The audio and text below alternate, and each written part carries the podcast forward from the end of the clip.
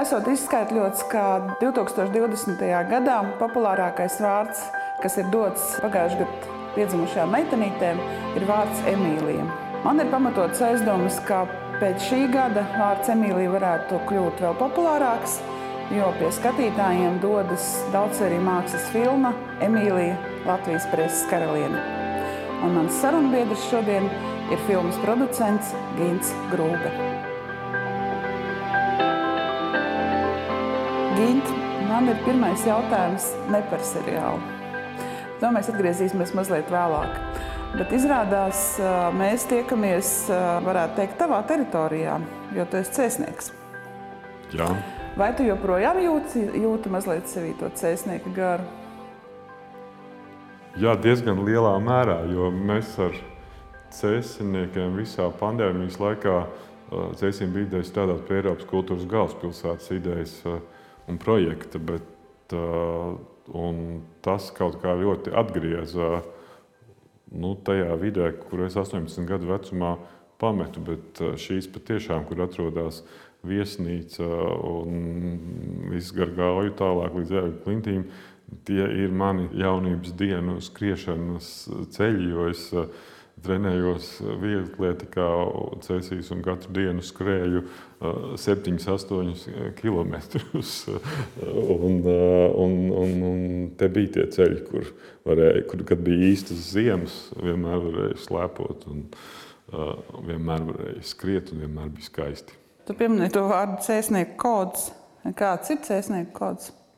Es domāju, ka tas ir kaut kas nu, tāds nu, zināms provinciālismu kods. Es domāju, tas ir, ka tu esi tuvu Rīgai, bet tu neesi rīznieks.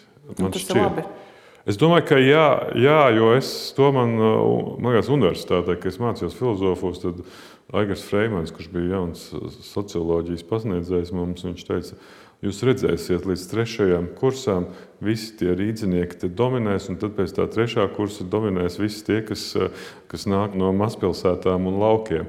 Nu, es nezinu, vai, kāda, vai tas likums tā gluži, gluži strādā, bet Jo mūsdienās jau ir pilnīgi citi apstākļi, lai dzīvotu nezinu, attālināti un, un, un, un strādātu. Bet tajā laikā, lai lasītu, nu, es gatavojos iestāties filozofijas fakultātē, lai lasītu Alekseja Loseva rakstus par uh, antīko filozofiju no Nacionālās bibliotekas krājumiem. Man bija jāpasūta grāmata un jāgaida nedēļa, kad viņi atnāca uz Cēlā biblioteku. Tad es viņu varēju lasīt, bet es viņu varēju lasīt mājās. Man nebija jāiet, jāsēž nekur un tad sūtīt atpakaļ.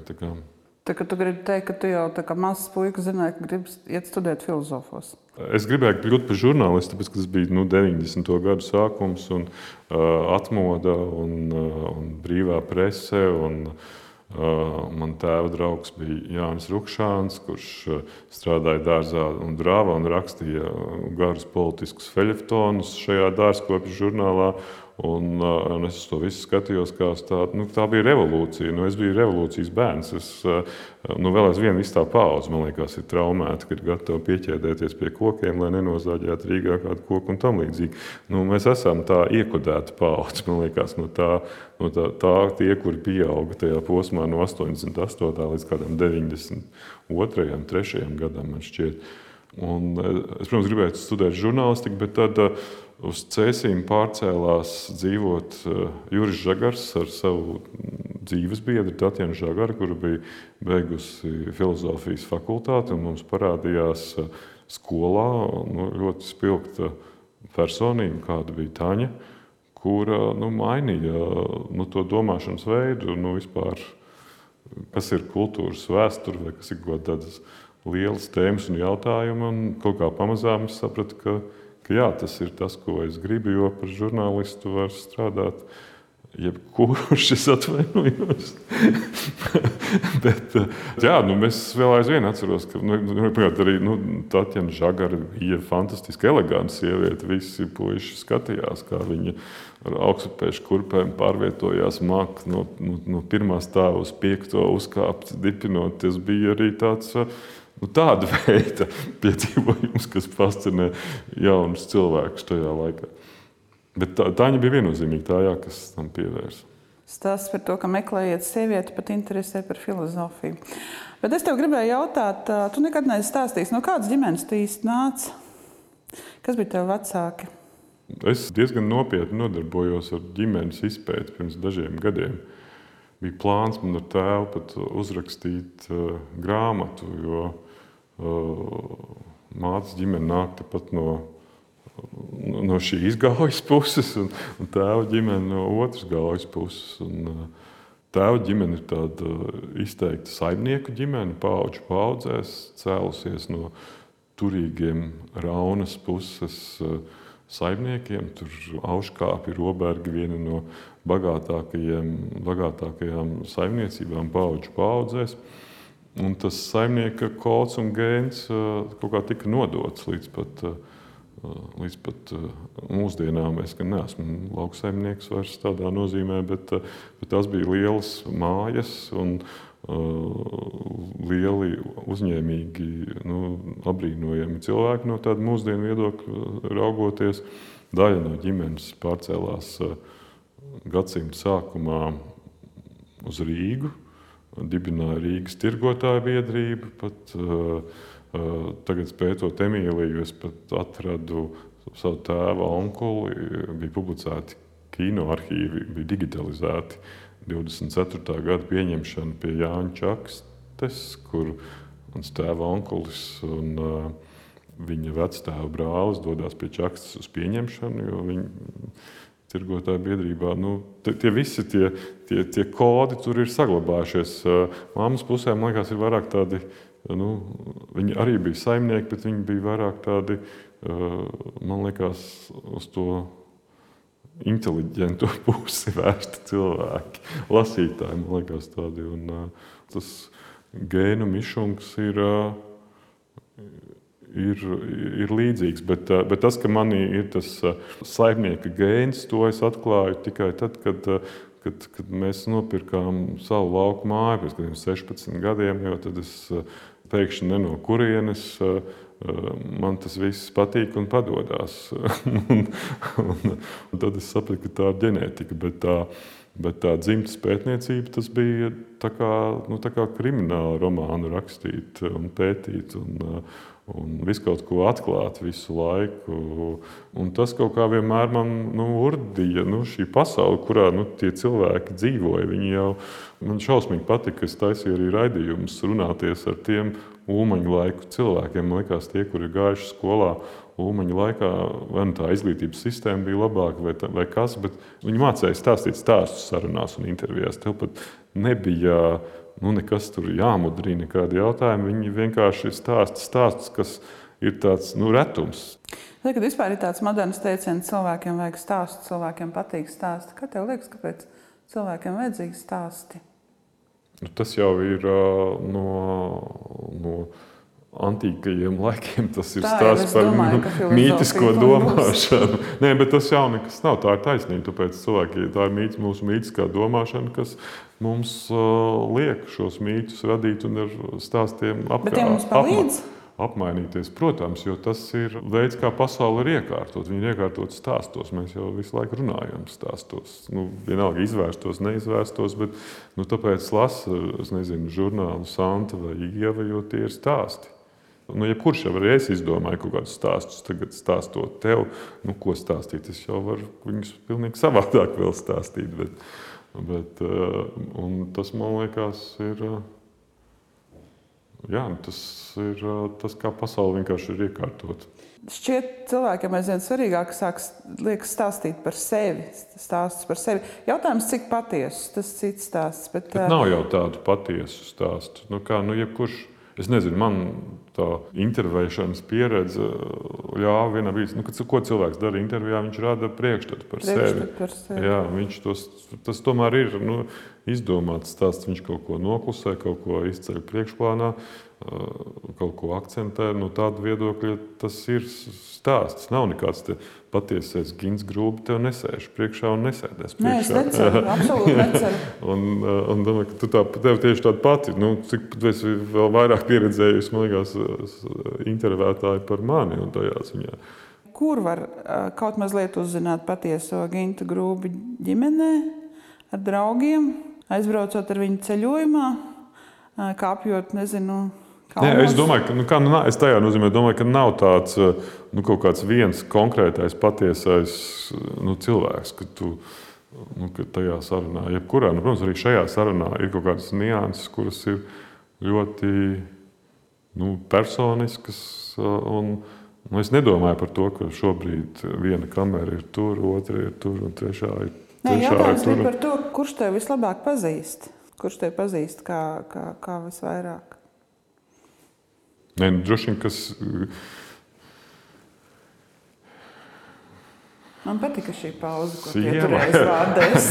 Nē, droši vien, ka, ka sieva pazīst visvairāk, jo mēs ilgāk esam bijuši kopā. Jebkuri, man liekas, es pat ar vecākiem neesmu bijis tik ilgi kopā savā dzīvēm kā, kā ar Sigelu, bet dažkārt cilvēks jau pats sevi nepazīst un pats sevi pārsteidz nu, visādos veidos. Nu, pēkšņi, ka tu esi izrādās arī saimnieks vai kaut kas tamlīdzīgs savā dzīvē, kādai lomai gatavs. Tajā ziņā nezinu, es neesmu nekādas tādas psihoterapijas eh, gājis, lai sevi tādā veidā iepazītu. Man, tas man ir no cēsu perioda, ka mana psihoterapija ir skriešana. Nu, ja vajag psihoterapiju, lūdzu, tur ir mežs, tur ir kedas un septiņi kilometri un visa terapija. Es nezinu, vai tā ir pareizs risinājums, bet, bet uz mani viņš strādā. Paldies cēsu mežiem. tas, kas strādā, tas arī pareizs. Bet tev ir brālis jaunāks, ja? Jā, mēs esam, mums ir septiņu gadu starpība. Tu runāji par tiem vecajiem vārdiem. Es tikko pirmoreiz mūžā kļuvu par onkuli pagājušajā mēnesī. Un es esmu onkulis brīnišķīgai jaunai dāmai vārdā Elza. Man liekas, forši, ka tie vecie vārdi atgriežas. Man, vismaz man kā tam, kuram patīk par tām vecām bildēm rakāties, man ļoti patīk, ka ir, mums ir atkal Karlīnes, un Kārļi, un Jēkabi, un Elzas, un Emīlijas, un, un būs arī Antoni. Tad es iedomājos, ka tu sāki runāt par to mm, saimnieku gēnu. Tu to vairāk saisti ar savu lauku māju un, un visam šīm pārvērtībām savā dzīvē, bet man šķiet, ka producenta darbs jau arī ir tāds saimnieka gēns. Ne?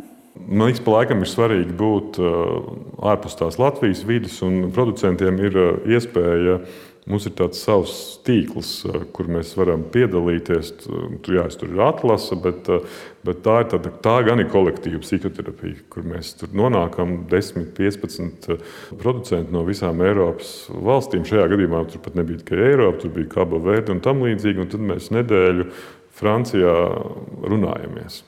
Tur dzeram, dzeram un runājamies. Kolektīvā psihoterapija. Mēs apmainamies, jā, tā kā ne tā kā kursi, bet pēc būtības tā vērtīgākā daļa no tiem kursiem ir tieši tā, tā kolektīvā psihoterapija, kur mēs nu, apmainamies. Un, un es izvēlu nu, to sarunu par to, ko mums darīt producentiem vēl, ja, nu, ja mēs esam filmu producenti, mēs tur labi mēs varam scenārijus rakstīt, kā kaut ko, bet kas ir vēl tās citas lietas? Nu, izplatīt filmas, labi, varbūt taisīt mārketinga aģentūru filmām, arī labi. Un tad man ir tāda lieliska tā grupas vadītāja, kas ir horvātu producenti, viņi saka, tas, ko mēs varam vēl darīt paralēlā biznesā, mēs varam taisīt kāzas un bērres, jo mēs tiekam galā ar lielu skaitu, skaitu cilvēku. Un, un tas man ļoti patīk, jo man liekas, ka, ka, ka tad, kad ir jāorganizē tā kā Emīlijai, tagad nu, pirmizrāde, tas ir kārtīgs, nu, tas tiešām var būt mūsu jebkura producenta blakus biznesa, jo taču visu vajag. Nu, filmēt kāzas vajag, ēdināt ēdināšana vispār filmēšanā ir pats galvenais. Eh, eh, visiem kaut kur ir jāguļ, eh, visiem jābūt nodarbinātiem perfekti. Nu, nu, bērns ir tas pats žanrs, tikai citās krāsās. Kāpēc tev šķiet, ka šis stāsts ir stāstīšanas vērts par Benjāmiņiem, par visu to?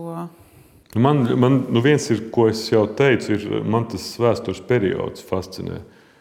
Jo es biju pat Un pats, nu, tā, nu, vairāk caur tēva dzimtu, jo no viņiem nāk tur, tā, viņi bija tie lielie turīgie saimnieki, tirgotāji. Un, uh, man tā paudze ļoti patīk skatīties tās vecās bildes, un tāpēc man arī patika tie Beņāmiņa albumi, ko viņa ģimene man iedeva manās rokās. Tā bija kaut kāda neaptverama pasaule, kas tur vispār nekur nebija iepriekš ne publicēta. Ne. Bet kāpēc tieši tas brīvvalsts periods? Saprotu, ja? Tāpēc, ka viņš tāds, nu, man likās, kā var beigties. Nu, jo šie cilvēki jau kā nebeidzās, viņi turpināja dzīvot pēc tā 40. gada. Bet, bet kā, kas, nu, kā ir iespējams dzīvot, ja, nu, ja tu dzīvo vienu tādu dzīvi? Un pēc tam, un pēc tam dzīvo nu, citu, pavisam citādu dzīvi. Bet kā jau nē, cilvēki man liekas, atrada. Nu, man Ines, man dzīves bija arī nāk no tādas līdzīgas ģimenes, kur arī ir, nu, kuri ir pēc būtības viņi dzīvoja visu padomu periodu, bet man liekas, bija tādi domāšanā tā laika cilvēki. Es spriežu pēc tiem stāstiem, ko man ir stāsta Ines ģimene. Un tā bija viena lieta. Nu, reiksim, kaut vai nu, varbūt Beņāmiņa kontekstā tas ir nekas, bet nu, mans tēva krustāvs bija.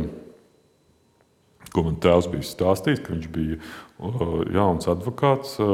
Ulmaņa laikā sācis strādāt advokāta Antona birojā. Tas man piešķīlās tikai tad, kad es sākām pētīt Beņāmiņu ģimenes stāstu, ka, nu, ka Antona birojs bija arī galvenais birojs, kurš apkalpoja Benjāmiņus. Un...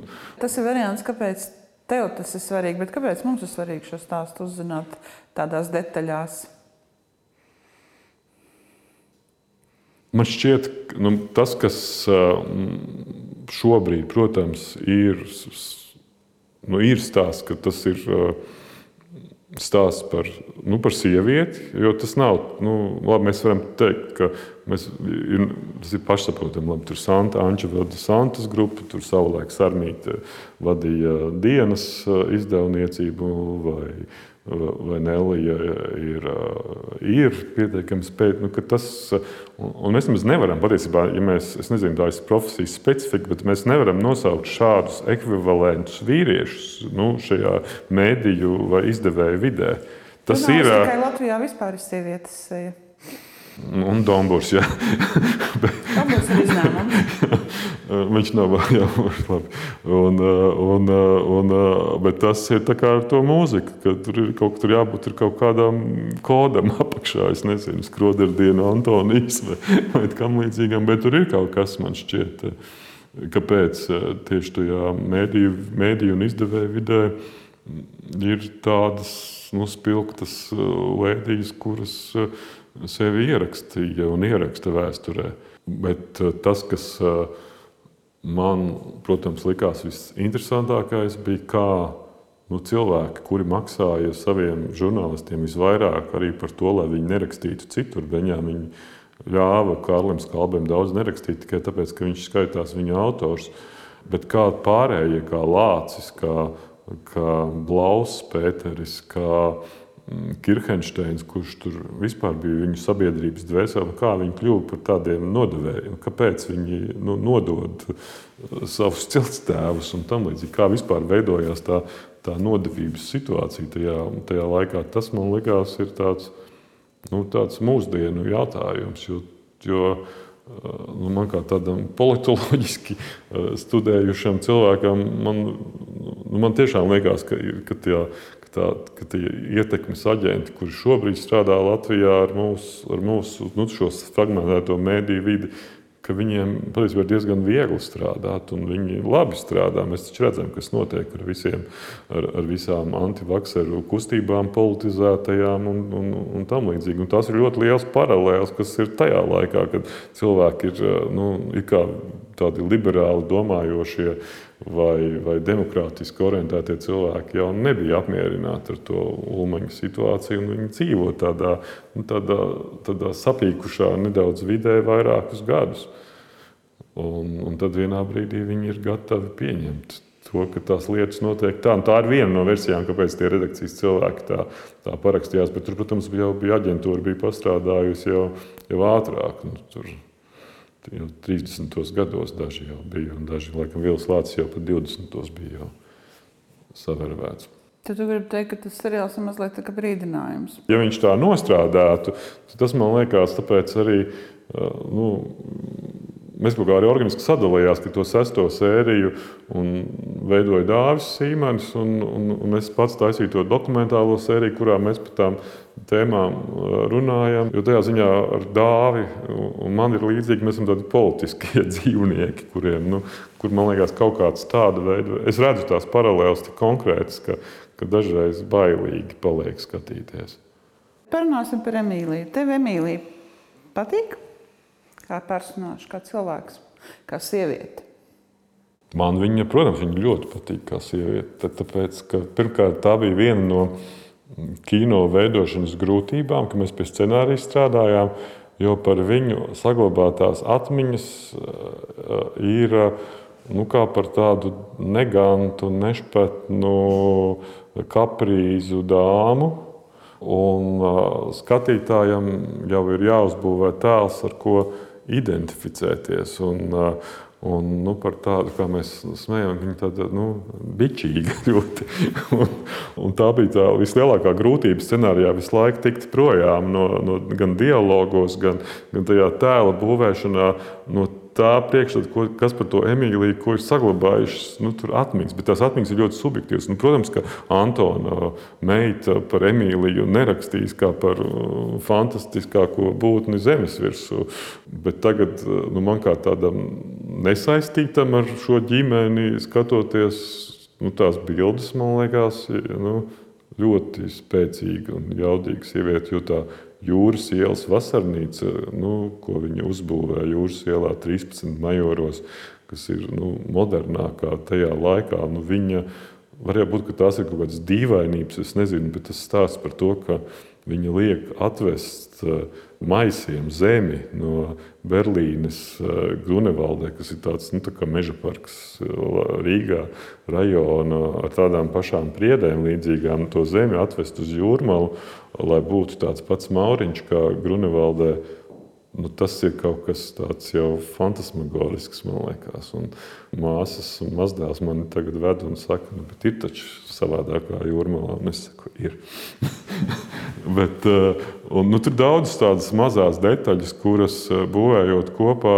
Nu, tur, protams, ir kaut kāds arī vien, naudas un, un, un, un bagātības apmulsums eh, tajā visā, kas vien, notiek ar cilvēkiem tādās situācijās, bet tomēr prasme tikt ar to galā un neprasme tikt galā ar to beigu situāciju. Tas ir kaut kas. Nu, tas ir, tas ir tā traģēdija, kas man tajā visā fascinēja, bet tā izvēle, par kuru, nu, protams, ir jautājums, kāpēc viņa neaizbēga. Uh, un, un uh, ģimenes locekļi man saka, ka tas nepiedīvīgais piedāvājums, kas viņai tika izteikts no Zviedrijas vēstnieka puses, apprecēties, ka viņa to nav pieņēmusi, jo Jurītis, viņas adaptētā dēla ģimene, būtu palikusi Latvijā. Jānis Beņāmiņš jau tajā brīdī bija jau jau apcietināts un novākts. Un Jūlijas Lācis tāpat. Un, nu, acīm redzot, viņi saprata, ka, ka ar to juridisku ģimeni arī notiks tāpat. Viņa to piedāvājumu nebija pieņēmusi. Tā kontinuitāte, es nezinu, es pieļauju, ka, ka tas, kā veidojās mēdīju vide 90. gadu sākumā, kā veidojās atsevišķi žurnālu grupas, nu, Es neticu, ka zemapziņā katram no šiem cilvēkiem, kas to darīja, ka viņiem nebija arī šis stāsts zināms. Un... Varbūt kolektīvajā zemapziņā. Jā, jā, jā es, nu, es tā pieļauju. Tas, kas gan man liekas, vairs nav pie Beņāmiņiem strādāja, tomēr izcili raksts. Nu, tur viss strādāja tajās redakcijās. Jā, tā lieta vairs nav. Es nezinu, kā mēs kā varētu rakstniekus panākt, lai Ikstena Zanderē un ko sēž Delfos un, un raksta rakstījumus. Jautājums ir cits, vai Delfu lasītājiem tas ir vajadzīgs? Nu, arī tiesa, jā. Bet nu, mēs jau šobrīd runājam šo jautājumu, lai uzdot, ka nav vairs eh, tautu vienojošo, uzrunājošo balsu. Es nezinu, vai vajag, bet nu, kaut kas tāds jau ir. Mm -hmm. Emīlijas Gars tevi nav apciemojuši šajā laikā? Uh, es par to baidījos, tāpēc ka mēs, tais, kad mēs taisījām Melānijas kroniku, tad bija sajūta patiešām tāda, ka tā tēma un tas skar tik daudz cilvēkus, ka Un bija baigi grūti strādāt. Bija, toreiz, bija tāds sajūta, ka katru dienu tas vilciens tev pārbrauc pāri un pajautā, vai tu esi vēl dzīves. Uh, bet nu, varbūt tas bija arī finanšu trūkums, kas bija tādam lielam projektam pa mazu. Kad mēs šo filmu stāstu sākām, man likās, nu, tā būs gari. Agri vai vēl būs darīšana ar gariem. Tad es uh, aizbraucu pie Māras Zālītes, kura bija gribējusi kaut kad televīzijā jau taisīt filmu par Benjāmiņu. Man Arthurs Krasniņš izstāstīja. Un, un tad Māra man izstāstīja vēl stāstu par Finku cimdienu, ka viņa bija taisījusi Sfinksas izrādi ka viņi ir Lūsēnā aizgājuši uz kafejnīcu un pēkšņi no kurienes parādījušies uz galda savalkāti melni vīriešu cimdi. Viņi mēģinājuši noskaidrot, kam tie cimdi pieder. Neviens nav aizmirsis, neviens nav atstājis. Nu, tad es, protams, mums arī bija varonis Finks. Es visu filmas uzņemšanas laiku gaidīju, kad mums tie cimdi parādīsies, bet, bet tie cimdi tā arī neparādījās. Tā kā varbūt uh, viss bija tā, kā Emīlija vēlas, ka viņas stāsts tiek stāstīts, un arī Finkam par to nav iebildumu. Varbūt vēl filmas eh, demonstrēšanas laikā. Parādīsies viņa ekrānā. Jā. Kā tev liekas, Emīlijai patiktu tas, tas tā filma, kāda par viņu ir uztaisīta? Tur nav vienmēr glaimojoši. Tā. Es gan esmu redzējis tikai daļu no sērijām, protams, bet uh, nevarētu teikt, ka viss ir ļoti tā. Ne, tur ir kaut kāds, es esmu piefiksējis, ka ir tāds Antona Beņāmiņa cienītāja lokus, kuriem nepatīk, ka šis stāsts tiek stāstīts kā Emīlijas Beņāmiņa nu, stāsts, protams, ka vispirms bija Latvija, latviešu vēsturē jāizstāsta kā Antona Beņāmiņa stāsts, bet Tad man pačukstēja šie Antona Beņāmiņa nu, dairadz pētnieki un stāstnieki, ka viņi esot lūguši Jurijam Bartkevičam, lai, vai arī nopriecājušies, ka tas ir Bartkevičs, kurš nepieļaus, ka uh, Emīlija ir spēcīgāka vai ka Antons ir kaut kāds nevarīgs onkulis, uh, vecs jau šajā stāstā, un ka Bartkevičs to izdarīja godam. Viņš to izdarīja godam. Es nezinu, vai apzināti vai neapzināti, bet tur tas līdzsvars ir ļoti labi, man liekas, sanācis. Nu, viņi patiešām izskatās kā ļoti ticams pāris. Nu, man, es noticu, ka viņi ir, ir bijis labs tandēms. Jo ir jau tikai versija, ka viņi var tikai mūža beigās, kad Beņāmiņš pārceļās uz valdiķiem dzīvot, ka tad viņiem tās attiecības nesot bijušas diezko labas. Klausoties, ka tev pārmet ka par Antonu stāstu nav izstāstīts, man uzreiz gribas teikt, normāli mēs dzīvojam vīriešu stāstu pasaulē. Tagad palēnām tikai ienāk sieviešu stāsti. Nu, tas taču vispār zināms. Vēsture rakstīts ar vīriešiem. Bet, nu, nu, mēs jau to darījām apzināti. Taisījām. Vēl mums bija komandā Baņuta Rubes, Kristīna Žēlve, Aiva Birbele, mana dzīves biedre, kuras visas ir tādas nu, tādu feministisku aģendu nāk iekšā.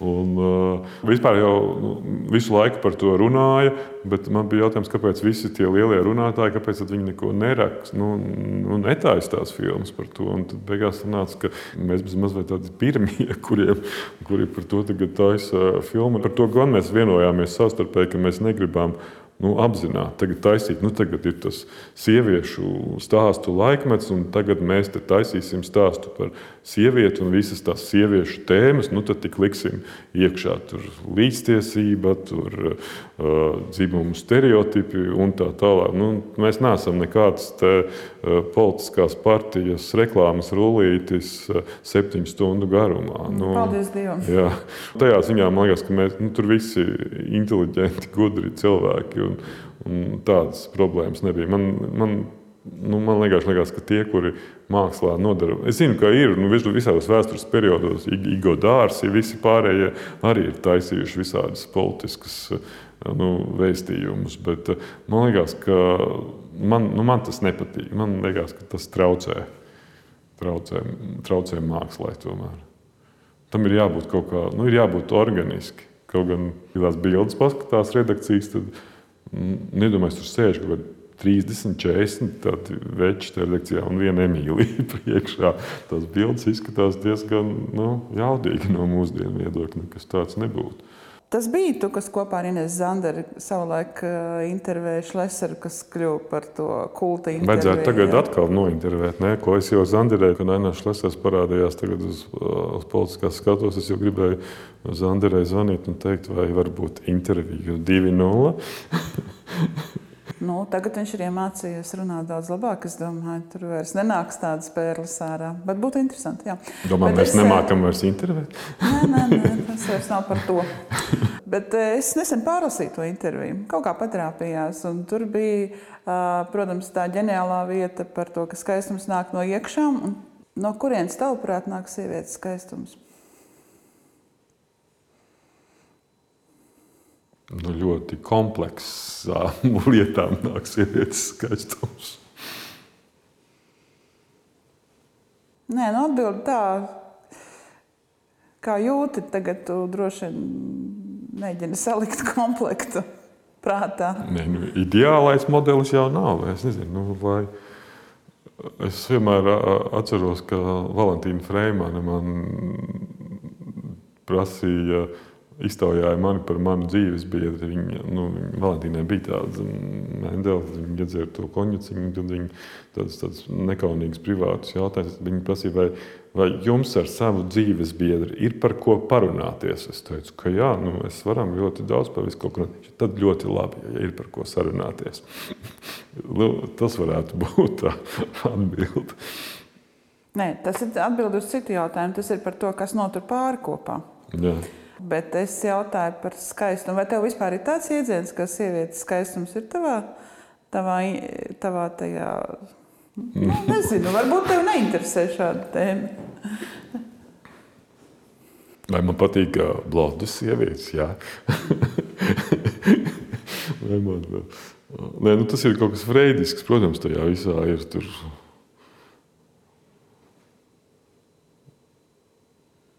Nu, kādas sievietes tas... tev patīk?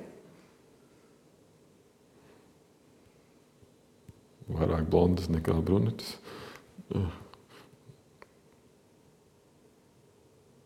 Ne, man, man, nu, man tiešām fascinē gudras sievietes. Man patīk. Nu, ļoti. Jā, nu, kurām skaistums nāk no galvas un no, un no iekšām reizē. bet tas teiciens jau patiesībā ļoti precīzs tādā gadījumā. jā, jā, bet uh, nu, vienkārši man tā ir sanācis, ka man ar tām gudrajām ceļi ir krustojušies tik ļoti, ka tas ir apgrūtinoši, bet uh, dažkārt. Uh, Bet, ne, bet tā nu, ir kaut kāda cīņa, ko mēs tur iznesam dažkārt. Man pārmet, ka nu, kā, nu, mani neklausās, jo es esmu sieviete, un viss, kad ienāk, klausās tikai tevi.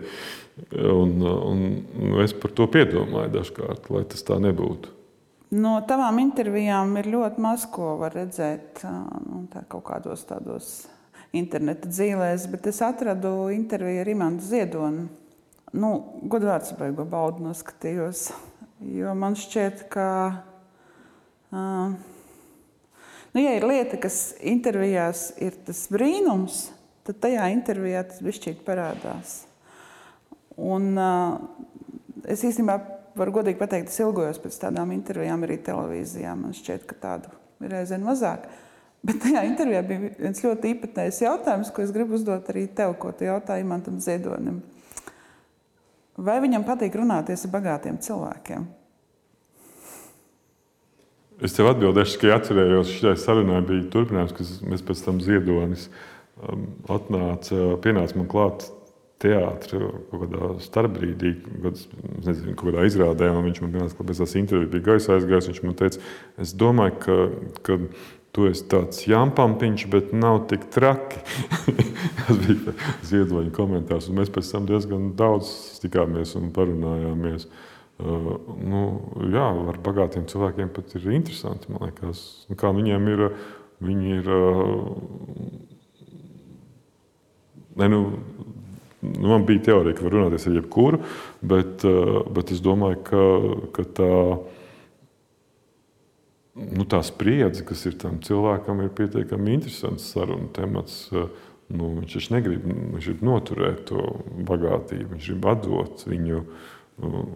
atrast mantinieku tam visam, lai tas viss saglabājās mūžīgi mūžos. Nu, kādā būtiskākā kontekstā. problēma? kontekstā. Nē, nu es pieļauju, ka tā ir viena no, viena no uh, versijām. uh, Ne, ne, ne visu nopļenderēt, es nezinu. Pieļauju, ka tā varētu būt. Ka, nu, es domāju, tas spektrs ir, ir plašs. Nu, tad ar Bilu Geitsu būtu neinteresanti parunāties kā vienu no pasaules bagātākajiem. Es domāju, ka tur ļoti par ko būtu parunāties. Vai tu gribētu, tā kā Antons Beņāmiņš mūža nogalē, piemēram, arī pārcelties uz laukiem un izveidot tur, pieņemsim, savu saimniecību un kaut ko ražot, kā mēs te jau pirms tam smējāmies, piemēram, filozofu kanģu vai vēl kādu produktu? Nē, man tur ir diezgan labi 30. gados izbūvēti ābolu un vīna pagrabi, kuros varētu labi glabāt vīnus. Tā to varētu darīt, bet uh, par ražošanu es uh, šobrīd nedomāju tādā līmenī. Kaut arī mēs tagad strādājām ar Ivaru Salecku pie filmas par modernajiem zemniekiem. Es sapratu, ka, jā, ka nu, tur bija viens ģimene, kur tēvs strādāja Kopenhāgenā, Alus rūpnīcā. Viņam bija saimniecība tepat kaut kur cēlus apkārtnē un tam līdzīgi. Un, un, nu, no tāda viedokļa jau kas tu īpaši tur nu, jā. Mūsdienās tas nav, tā nav izvēle, ka es tagad kļūšu par zirkopi vai, vai vīndari. Tā jau ir tāda bezmaz vai nu, normāla lieta. Bet, uh, Tas ir pan... producenta darbs savā ziņā. Jā, jā, jā bet nu, pandēmijas laikā nezinu, mēs Emīliju sākām un plānojām no, no savas lauka mājas. Es tik ilgi daudz nodzīvoju, nekad mūžā nebija tik daudz laukos dzīvojis. Ka, ka bija diezgan patīkami atgriezties pilsētā. Labi, tad es tev pēdējo uzdošu jautājumu. Tas smieklīgi ka tu, tev atkal bija tāda gudra frāze kādā no sarunām, ka cilvēkam nevajag uzdot gudrus jautājumus, jo bieži vien uz jautājumu, kāpēc jūs dzerat kafiju ar cukuru vai bez cukura, var dabūt labāku atbildi nekā uz jautājumu, kāda ir dzīves jēga. Tu dzer kafiju ar cukuru vai bez cukura? Bez. Kāpēc? Kā nu, intelektuāļi, taču mākslinieki dzer melnu kafiju. Dubultu espreso. Es, nē, nē, nē. Bet tā bija laba atbilde, tā tiek ieskaitīta. Jā, labi, ček. Agrāk, kad es sāku raidījumu, man bija tāda metode, ka es uzdevu pirmo jautājumu cilvēkiem, Ko kas ir nožēlot. Un pēc tam es to izgriezu ārā. Jo, nu, vienkārši ne tāpēc, tāpēc ka nu, cilvēks jau normāli, nu, ja tu man uzdod tagad jautājumu, es arī nevarētu atbildēt uz šo jautājumu. Nu, tu vienreiz atbildēji. Jā, bet. Tu teici, ka to kā ar tēvu nepaspēja aizbraukt, sameklēt vecstāva kapu. Jā, bet mēs toreiz, man liekas, mēs ļoti tuvu runājāmies kaut tai, tai, tai, tai ģimenes situācijai, kas man liekas bija. Bet, bet tajā nozīmē, ka tas vienkārši tevi uzliek uz tās sliedes, nu, apsēsties uz psihoanalītiķa divāniņa. Ja tu uzliec uz tās sliedes, tad tad jau viss kaut ko vēl var pajautāt. Tu kā producents varēji parādīties tajā filmā, kādā, kādā saucamajā cameo lomā. Es esmu. Tas ir tas nākamajās sērijās. Tas bija aiz izmisuma, bet to zinu, man liekas, tikai es. Antona Beņāmiņa 75 gadu jubilejas svinības, kurām vēsturiski neieradās Kārlis Ulmanis, bet, bet Māra Liniņa kastings teica, ka viņi nevarot atrast Aleksandru Čaku, kurš man bija tā kā nebija vajadzīga ne parūka, nekas. Tad es, es aizgāju kā Aleksandrs Čaks sasveicināties, sasveicināties ar, ar Emīliju un Antonu Beņāmiņiem, bet, bet tas man liekas nav, nav, nav redzams. Lai Emīlijai kāfi par filmām saka, lai daudz skatītāju? Nu jā, tad lai dzimst daudz Emīlijas un Antona. Un, un lai dzimst daudz Emīlijas un Antona. Paldies tev! Paldies tev!